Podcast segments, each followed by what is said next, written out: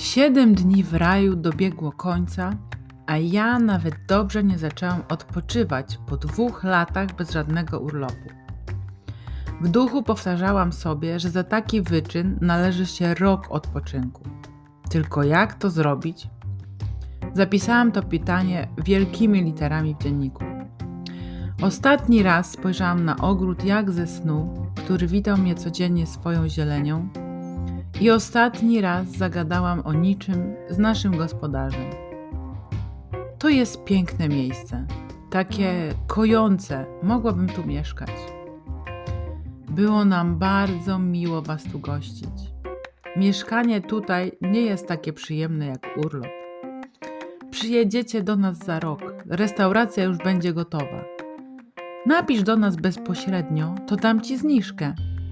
Na pewno przyjedziemy. Już nie mogę się doczekać.